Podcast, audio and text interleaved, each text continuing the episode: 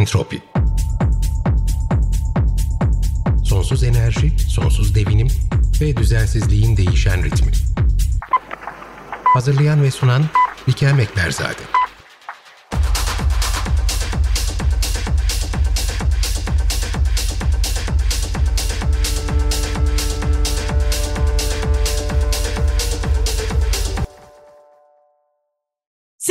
Hüsnü hoş geldin. Bugün konuğumuz Hüsnü Altok tekrardan bizim entropimizin fiziksel oşirografımız. Hoş geldin. Bugün Hoş biz denizler konusuna uzun süre önce girdik. Ahsen'le beraber işin biyokimyasına biraz baktık. Türler açısından da biraz baktık ama asıl e, son dönemde çok fazla dikkat çeken şey senin konun aslında senin alanına giriyor. O da deniz suyu sıcaklıklarında bu yaz kaydedilen, gözlemlenen dünyanın farklı yerlerine okyanuslarla başlayan daha sonra Akdeniz'e ve hatta Doğu Akdeniz havzasına sirayet eden deniz suyu sıcaklıklarındaki basında rapor edildiğine göre aşırı yükseklikler. Şimdi oradan bir başlayalım. Şimdi bu bir anomali mi? Yoksa bu aslında diğer senelerle karşılaştırıldığımız zaman normal bir durum mu? Ve sen e, senin elinde muhteşem kayıtlar var Hüsnü. Sen çok uzun süredir aslında Boğazlar sistemini izliyorsun. Türk Boğazlar Sistemi ekseninde bize neler anlatıyor ya da genelde bugün bu yaz, gözlemlediğimiz yer yer El Niño ile ilişkilendirilen, gene basın üzerinden anlatılan hikâyelerde ama sen bize işin bilim tarafını anlatırsın bugün diye umut ediyorum. İşte bu El Niño dönemiyle ilişkilendirilen ama, aynı zamanda antropojenik, iklim değişikliğinde belki bir etkisi olan ya da El Niño'nun üzerine belki onu amplifiye eden, yükselten bir etkisi olan bu süreç nedir? Yani bu yaz biz ne gözlemledik deniz suyu sıcaklığıyla alakalı ve bu bize, eee, nasıl bir tablo çiziyor, bizi nasıl etkileyecek? Kısa, orta, uzun vadede programın geri kalanında da bunları konuşuruz diye ümit ediyorum. Tekrardan hoş geldin arkadaşım. Buyurunuz efendim, mikrofon sizde. Hoş bulduk. Hoş soruları arka arkaya sorunca şimdi hepsi birden hem aklımda kalmayacak hem de, eee, o Olsun. Ben göre araya araya girer hatırlatırım sana, hiç sorun değil. tamam. Son zaten son zamanlarda marine heat wave diye bir şey tanımlıyoruz. Yani duymuşsundur onu da. Eee, sen sormadın ama ben söyleyeyim. Eee, marine heat wave'in, eee, şeyi şu, uzun dönemli bir, eee, sıcaklık kaydına bakılıyor. Onu da belli periyotta olması gerekiyor. Ya, şey, günlük, eee, veri olması gerekiyor ki uzun dönemli kayıtlara göre bir ortalama değer bulunuyor. O ortalama dön sıcaklığın üzerine çıktığı gün sayısı 5 günden fazlaysa buna marine heat wave deniyor. Aslında ortalamadan Tabiri sapmaya bu. bakıyoruz burada, öyle değil mi? Evet ama bu ortalama değer de 40 yıl, 50 yıl, daha da uzunsa daha uzun dönemi kapsıyor. Mesela ortalama bir aylık sıcaklık bulunuyor. O sıcaklığın ne kadar üstünde olmuş ve bu eee, bu yüksek sıcaklıklar en az 5 gün süreyle olması gerekiyor bir de marine heat wave diyebilmemiz için. Biz hı. marine heat wave'in giderek arttığını, periyotlarının, eee, sıklaştığını görüyoruz. Yani daha kısa aralıklarla ve daha uzun dönemlerde en az 5 gün, 6-7 gün, belki 1 hafta süren sıcaklıklardan bahsediyoruz. Tabii benim söylediğim, eee, şey hava sıcaklığı için değil. Hava sıcaklığı için de vardı bunlar. Isı dalgası diye, tarif edilen ve bununla ilgili hep, eee, meteoroloji uyarılar verirdi. Ama şimdi biz denizde de bunları araştırmaya başladık ve bu tür marine heat wave'lerin olduğunu gözlemliyoruz.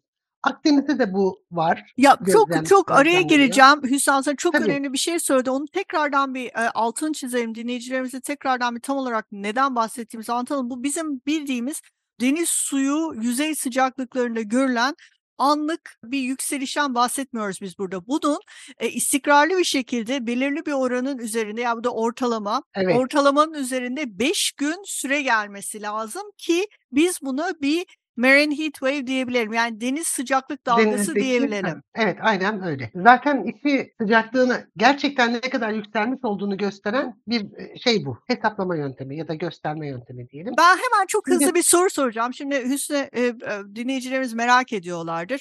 Şimdi sen bunları ölçümlerini yaptığın için biliyorum. Ya bu senin tam senin konu hazır seni yakalamışken e, deniz yüzey suyu sıcak yani deniz suyu sıcaklığı, deniz yüzey sıcaklığı öyle yani sea surface temperature diye geçiyor. Bunun İngilizcesi bu. Bir kere birincisi bu deniz yüzeyi dediğimiz denizin yüzeyinden aşağıya kaç santim ya da metre iniyor. Bir, birincisi olarak onu soracağım sana. İkincisi olarak da bu ne kadar değişkenlik gösterir? Gün içerisinde, hafta içerisinde aylık mı değişkenlik gösterir? Stabil bir değer midir? Biraz istersen ondan bahsedelim ki biz buradaki Hıı. bu marine heat wave'in aslında ne kadar ciddi bir şey olduğunu belki dinleyicilerimize bu şekilde daha rahat anlatabiliriz. Evet, eee, yani gün içerisinde de sıcaklık değişimi olur ama hangi enlemde olduğuna göre değişir tabii. Yani tropik bölgelerde 2 ila 4 derece arasında fark vardır gündüz ile gece sıcaklığı arasında. Ama daha yukarı enlemlere gir çıkılınca bu sıcaklık farkı azalır. Eee, benim gözlemlediğim yani hani çok sık ölçüyorum ama günlük bir kez yaklaşık, eee, 3-4 aylık bir süre içerisinde ölçebilmiştim düzgün bir veriyle İzmit Körfezi'nde. Çok yüksek bir sıcaklık farkı yok. Yani 1 dereceyi aşmıyor bizim bölgemizde. Ama tabii lokal yani denize girdiğimiz zaman falan o sıcaklık farkını daha fazla hissedebiliriz. Bizim söylediğimiz daha açık denizler için konuştuğumuz şey. Yani yüzey suyu sı sıcaklığı da yani en tepedeki yarım metreye kadar, 1 metre derinliğe kadar olan kısım. Tabii bunun başka tanımları da var. Mesela uydudan bir, eee, rasat yapılıyorsa buradaki en yüzeydeki mikronlar seviyesindeki sıcaklık ama o da bizim anladığımız anlamdaki deniz suyu sıcaklığına dönüştürülebilir bilir bir değer. Yani o ayrıca hesaplanıyor. Hı hı. Tabii burada denizlerde de akıntılar çok önemli ya da alttan yukarıya çıkış upwelling dediğimiz olaylar söz konusu şeyde, denizde de.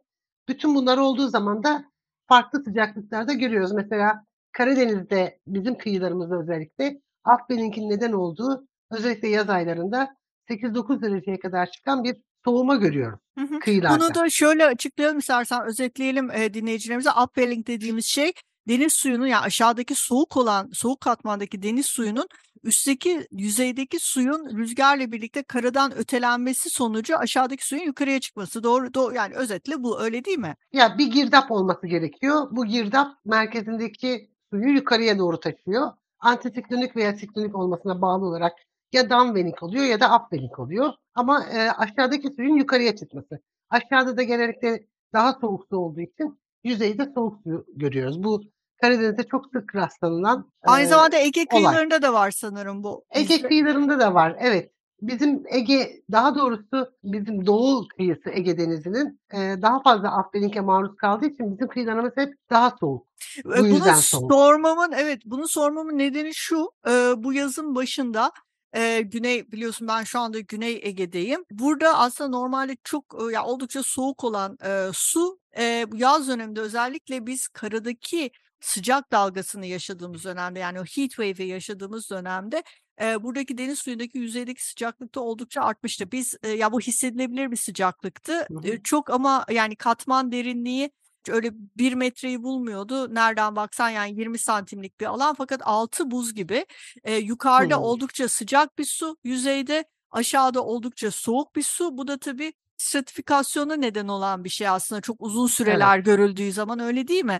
Tabii. şimdi bütün bunlardan yola çıkarsak şimdi marine heat wave'leri ben tabii konuyu her zamanki gibi dağıttım. Marine heat wave'lere geri dönersek, eee, bu yaz ne oldu? Açıkçası bilmiyorum. Yani çünkü eskisi kadar sık gözlem yapmıyorum. O o senin başta söylediğin elinde epey güzel bir veri seti var dediğin, gi 2010 yılında kaldı. Ondan sonra böyle aylık çalışmalarımız olmadığı için ben de çok takipte değilim. Ama temmuz ayında 13-14 Temmuz'da Marmara Denizi'nde sıcaklık ölçtük. Eee, sıcaklık, tuzluk vs. Tabii asıl gürültü ölçmüştük. Onun için bunları ölçtük. Onu karşılaştırdım, senin karşılaştırdığın bizim o dönem ölçtüğümüz 15 yıllık veri setiyle, aylık peri periyotta ölçtüğümüz veri setiyle karşılaştırdım ve, eee, yüzeyde değil ama alt suda sıcaklık farkı oldukça fazla. Ya fazla derken öyle 1 derecelik sıcaklıklardan bahsetmiyorum. 0.07, 0.05 gibi yüksek sıcaklıklar var.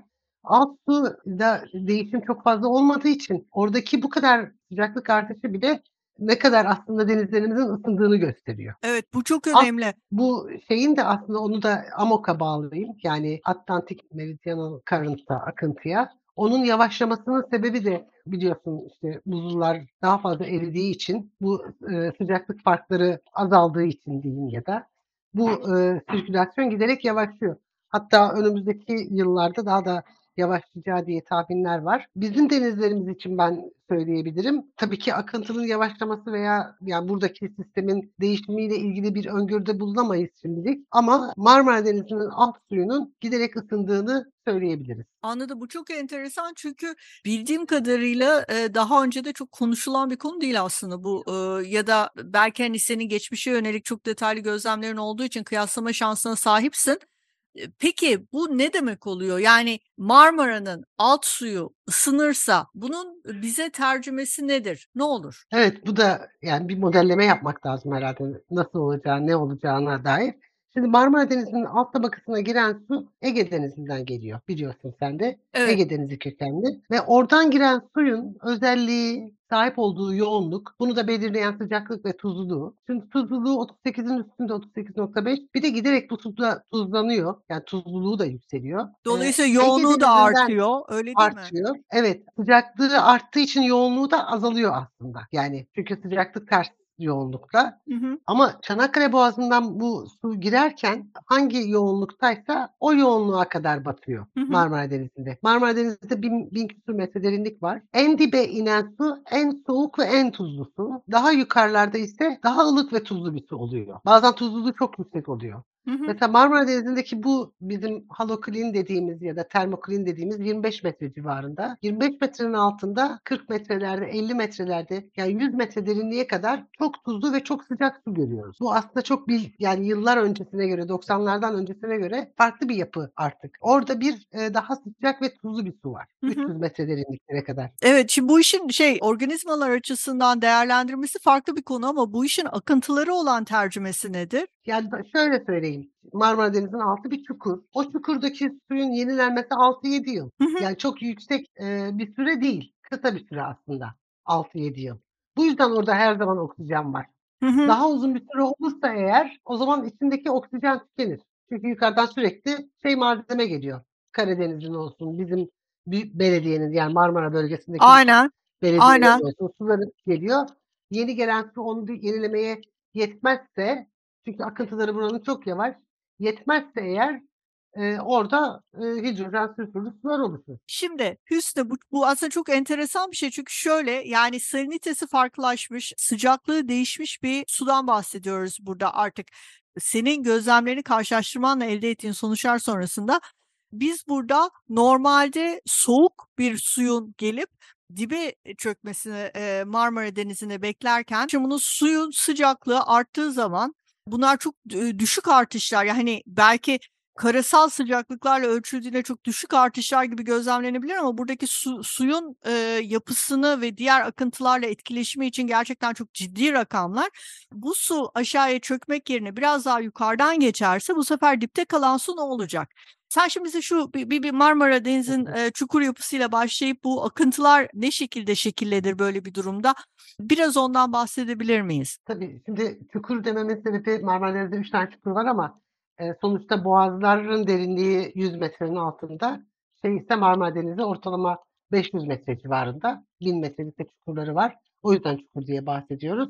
Şimdi Çanakkale Boğazı'ndan gelen bu Ege Denizi'nin farklı derinliklere batıyor. Az önce daha önce söylediğim gibi. Kendi yoğunluğu neyse o deri- yoğunluğu bulmak üzere. Eğer daha tabii burada sıcaklıktan çok tuzluluk önemli bir faktör. Tuzluluk da çünkü yoğunluğu arttırdığı için daha tuzlu bir su girdiği zaman orası çok yoğun olacak. Bundan sonraki gelen su ondan daha yoğun değilse eğer buradaki Marmara Denizi'nin alt tabakasındaki suyun yenilenmesi daha uzun zaman alacak belki de.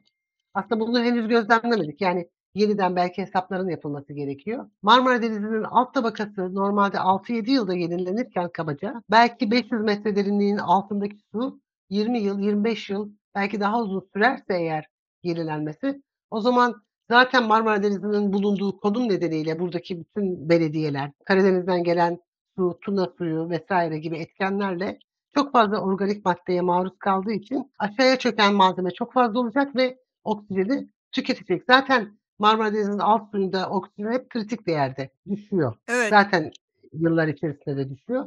Böyle bir sonuçla karşılaşabiliriz. Ya biz burada aslında e, bu, bu konuyu biz Ahsen'le de e, Ahsen Yüksek'le de bundan önceki programlarda da onun daha önce katıldığı programlarda da zaten Marmara ekseninde konuştuk. Yani Marmara'nın alt tabakasının aslında doğru planlama yapılmazsa e, yukarıdaki kirleticilerin yoğunluğu e, bu şekilde devam ederse ya da aşağıya pompalanan organik kirleticiler hani işte bu şeyden bahsediyoruz ya derin deşarj falan onlardan bahsediyoruz. Evet. Bunu da burada zaten sıklıkla dile getirdik. Bu aslında Marmara'nın alt katmanında ciddi bir hipoksiya tehlikesi yani oksijenin tamamen olmasa da çok ciddi oranda düştüğü ve bununla birlikte de e, ölü tabakanın öyle anlatayım oluştuğu e, çürümenin devam ettiği bir e, katmanla biz karşı karşıya kalacağız burada. Bu da gerçekten Marmara için çok kötü bir haber aslında. Evet, yani çok oldukça dinamik bir sistem burası. Yani çok hızlı değişiyor sular. Bu bizim bir şansımız. Ama eğer burada alt akıntı daha yavaşlarsa, yenilenme süreci artarsa o zaman bunlar da olabilir. Ve bu ve bu e, suyun yenilenme sürecinin e, artıp ya da azalması da senin a- anlattıkların ekseninde tekrarlıyorum.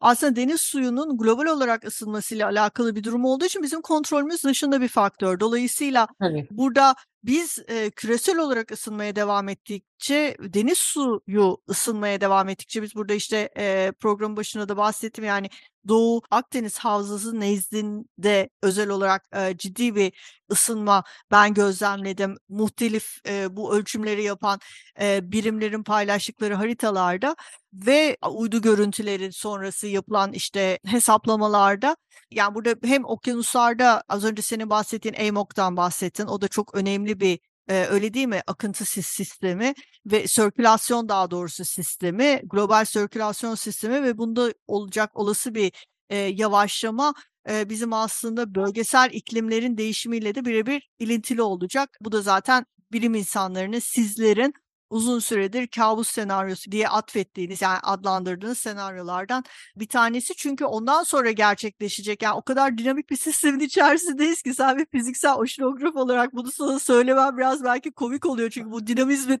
en büyük o şey oyuncularından bir tanesiyle sen ilgileniyorsun.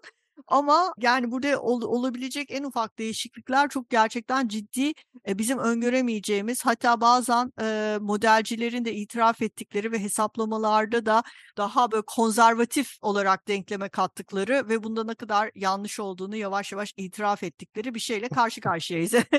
Değil mi? Şunu Do- söylemeliyim e, bir de. Şimdi Doğu Akdeniz daha çok ısınıyor. Akdeniz ısınıyor. Doğu Akdeniz daha fazla ısınıyor. Ege Denizi de ısınıyor. Karadeniz de ısınıyor. Yani e, ama ısınma farkları birbirinden farklı.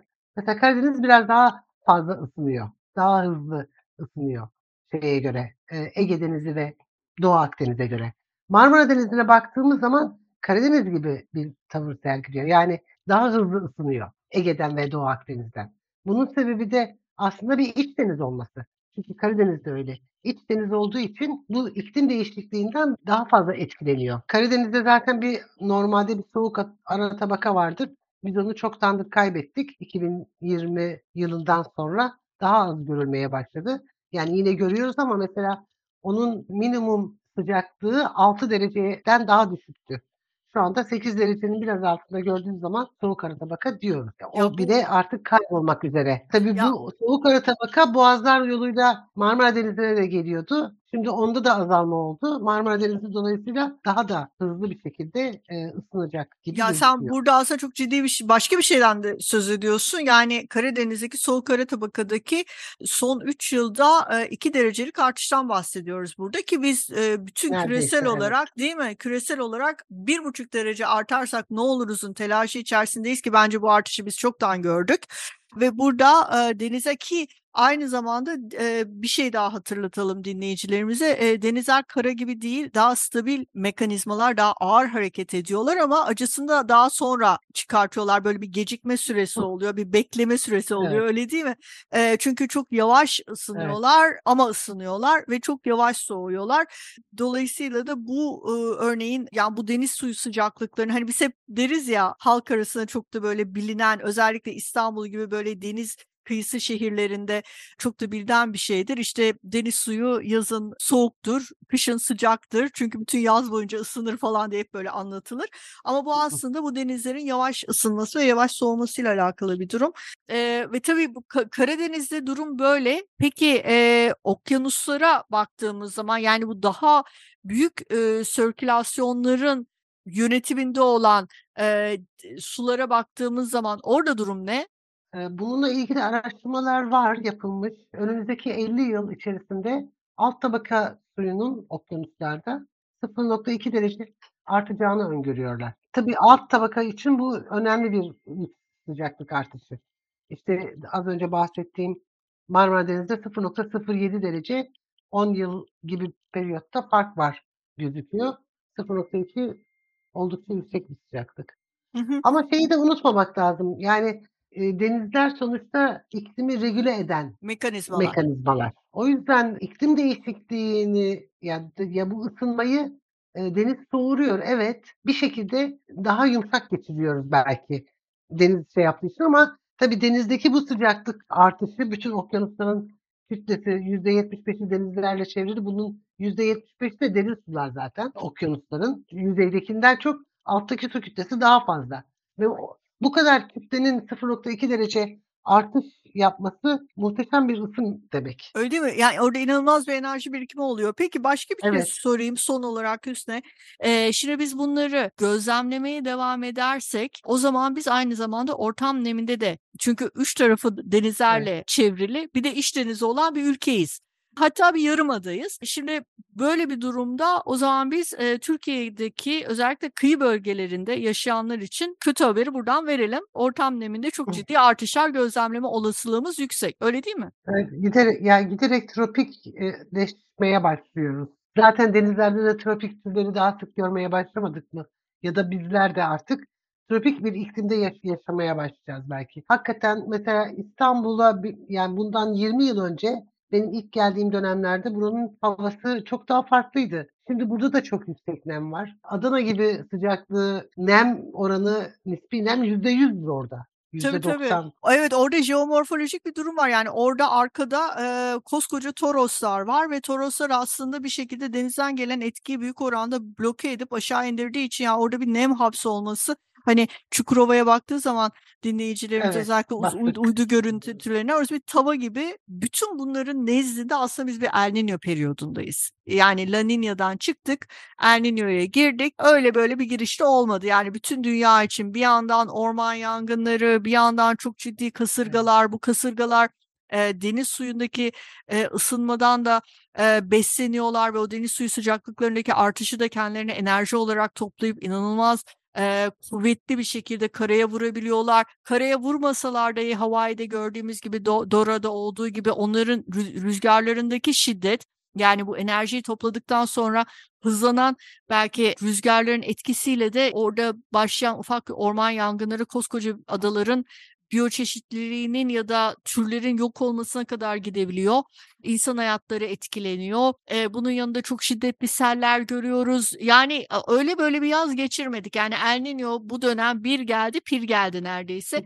Şimdi, eee, bununla alakalı yani bizim bu gözlemlediğimiz işte bu, ııı, senin Marmara'da bahsettiğin artışlar, Karadeniz'de gözlemlediklerimiz, hadi Karadeniz'i bunun biraz dışında tutalım çünkü sen daha uzun bir süreden bahsediyorsun. Hani La Niño, El Niño'dan bağımsız olarak siz bunları oradaki işte soğuk su tabakasının kaybolmasını gözlemliyorsunuz ama El Niño periyodunda olduğumuzu da düşünürsek bu dönemden çıkıp tekrar bir La Niña dönemine evrildiğimizde sence bu değişiklikler, eee, bu şekilde sürer mi, geriye dönüş olur mu yoksa biz artık böyle genel olarak deniz suyu sıcaklıklarında bu iklim değişimiyle paralel olarak bir yükseliş gözlemliyor musunuz? Yani evet, gözlemliyoruz zaten sıcaklık artışlarını.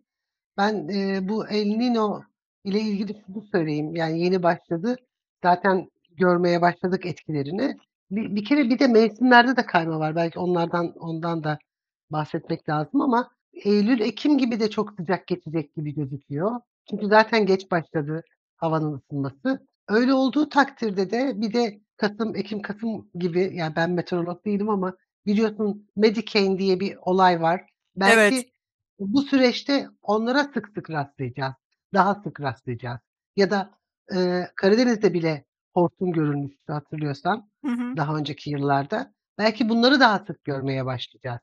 Evet. Ya, bu çok hortumları. enteresan aslında ve bunu kesinlikle seninle başka bir programda uzun uzun konuşmak isterim. Medicaid'den, eee, kastımız ne? Akdeniz'de gerçekleşen fırtınalar bunlar.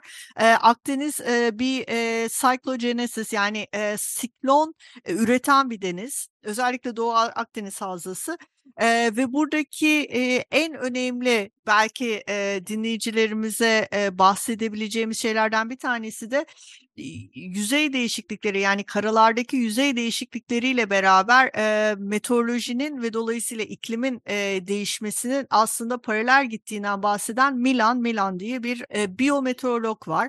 Eee, bir bilim insanı kendisi ve çok ilgiyle okuduğum, eee, çalışmaları var. O yüzden, eee, bu Medicaid olayı, eee, gerçekten çok enteresan. Eee, bunu şey için söylemiştim, eee, öyle hatırlıyorum. Deniz suyu sıcaklığı 26 derecenin üzerine çıktığında olur ancak diye. Sonbahar aylarında Akdeniz'in, eee, deniz suyu sıcaklığının yüksek olacağını tahmin ediyorum. Ondan dolayı söyledim. Böyle bir şey olabilir.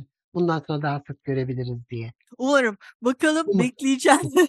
Bekleyeceğiz. Umarım şöyle çünkü gerçekten yani, eee, kışın da aynı zamanda yarımadanın yani içinde yaşadığımız bölgelerin ve aynı zamanda Avrupa'nın ve diğer diğer bölgelerin yağışa ihtiyacı olacak. Ama bu bu yağışlar tabii Akdeniz'de denize mi düşecek yoksa karaya mı düşecek? Bunu Evet. da birlikte bekleyip artık Göreceğiz. Eee, çok teşekkürler Hüsnü. Eee, bu bölümünde Entropi'nin bizimle beraber olduğun için ilerleyen bölümlerde tekrardan bu sefer şeyi Sualtı Sua gürültüsü. sualtı gürültüsünü konuşacağız birlikte. Evet. Çünkü geçen sene yapmıştık bir program. Orada konuşamamıştık. Ölçüm yapmamıştık daha çünkü. Artık ölçümler var. Çok güzel değer şeyler ölçtük. Denizin Harika. altı acayip gürültülü.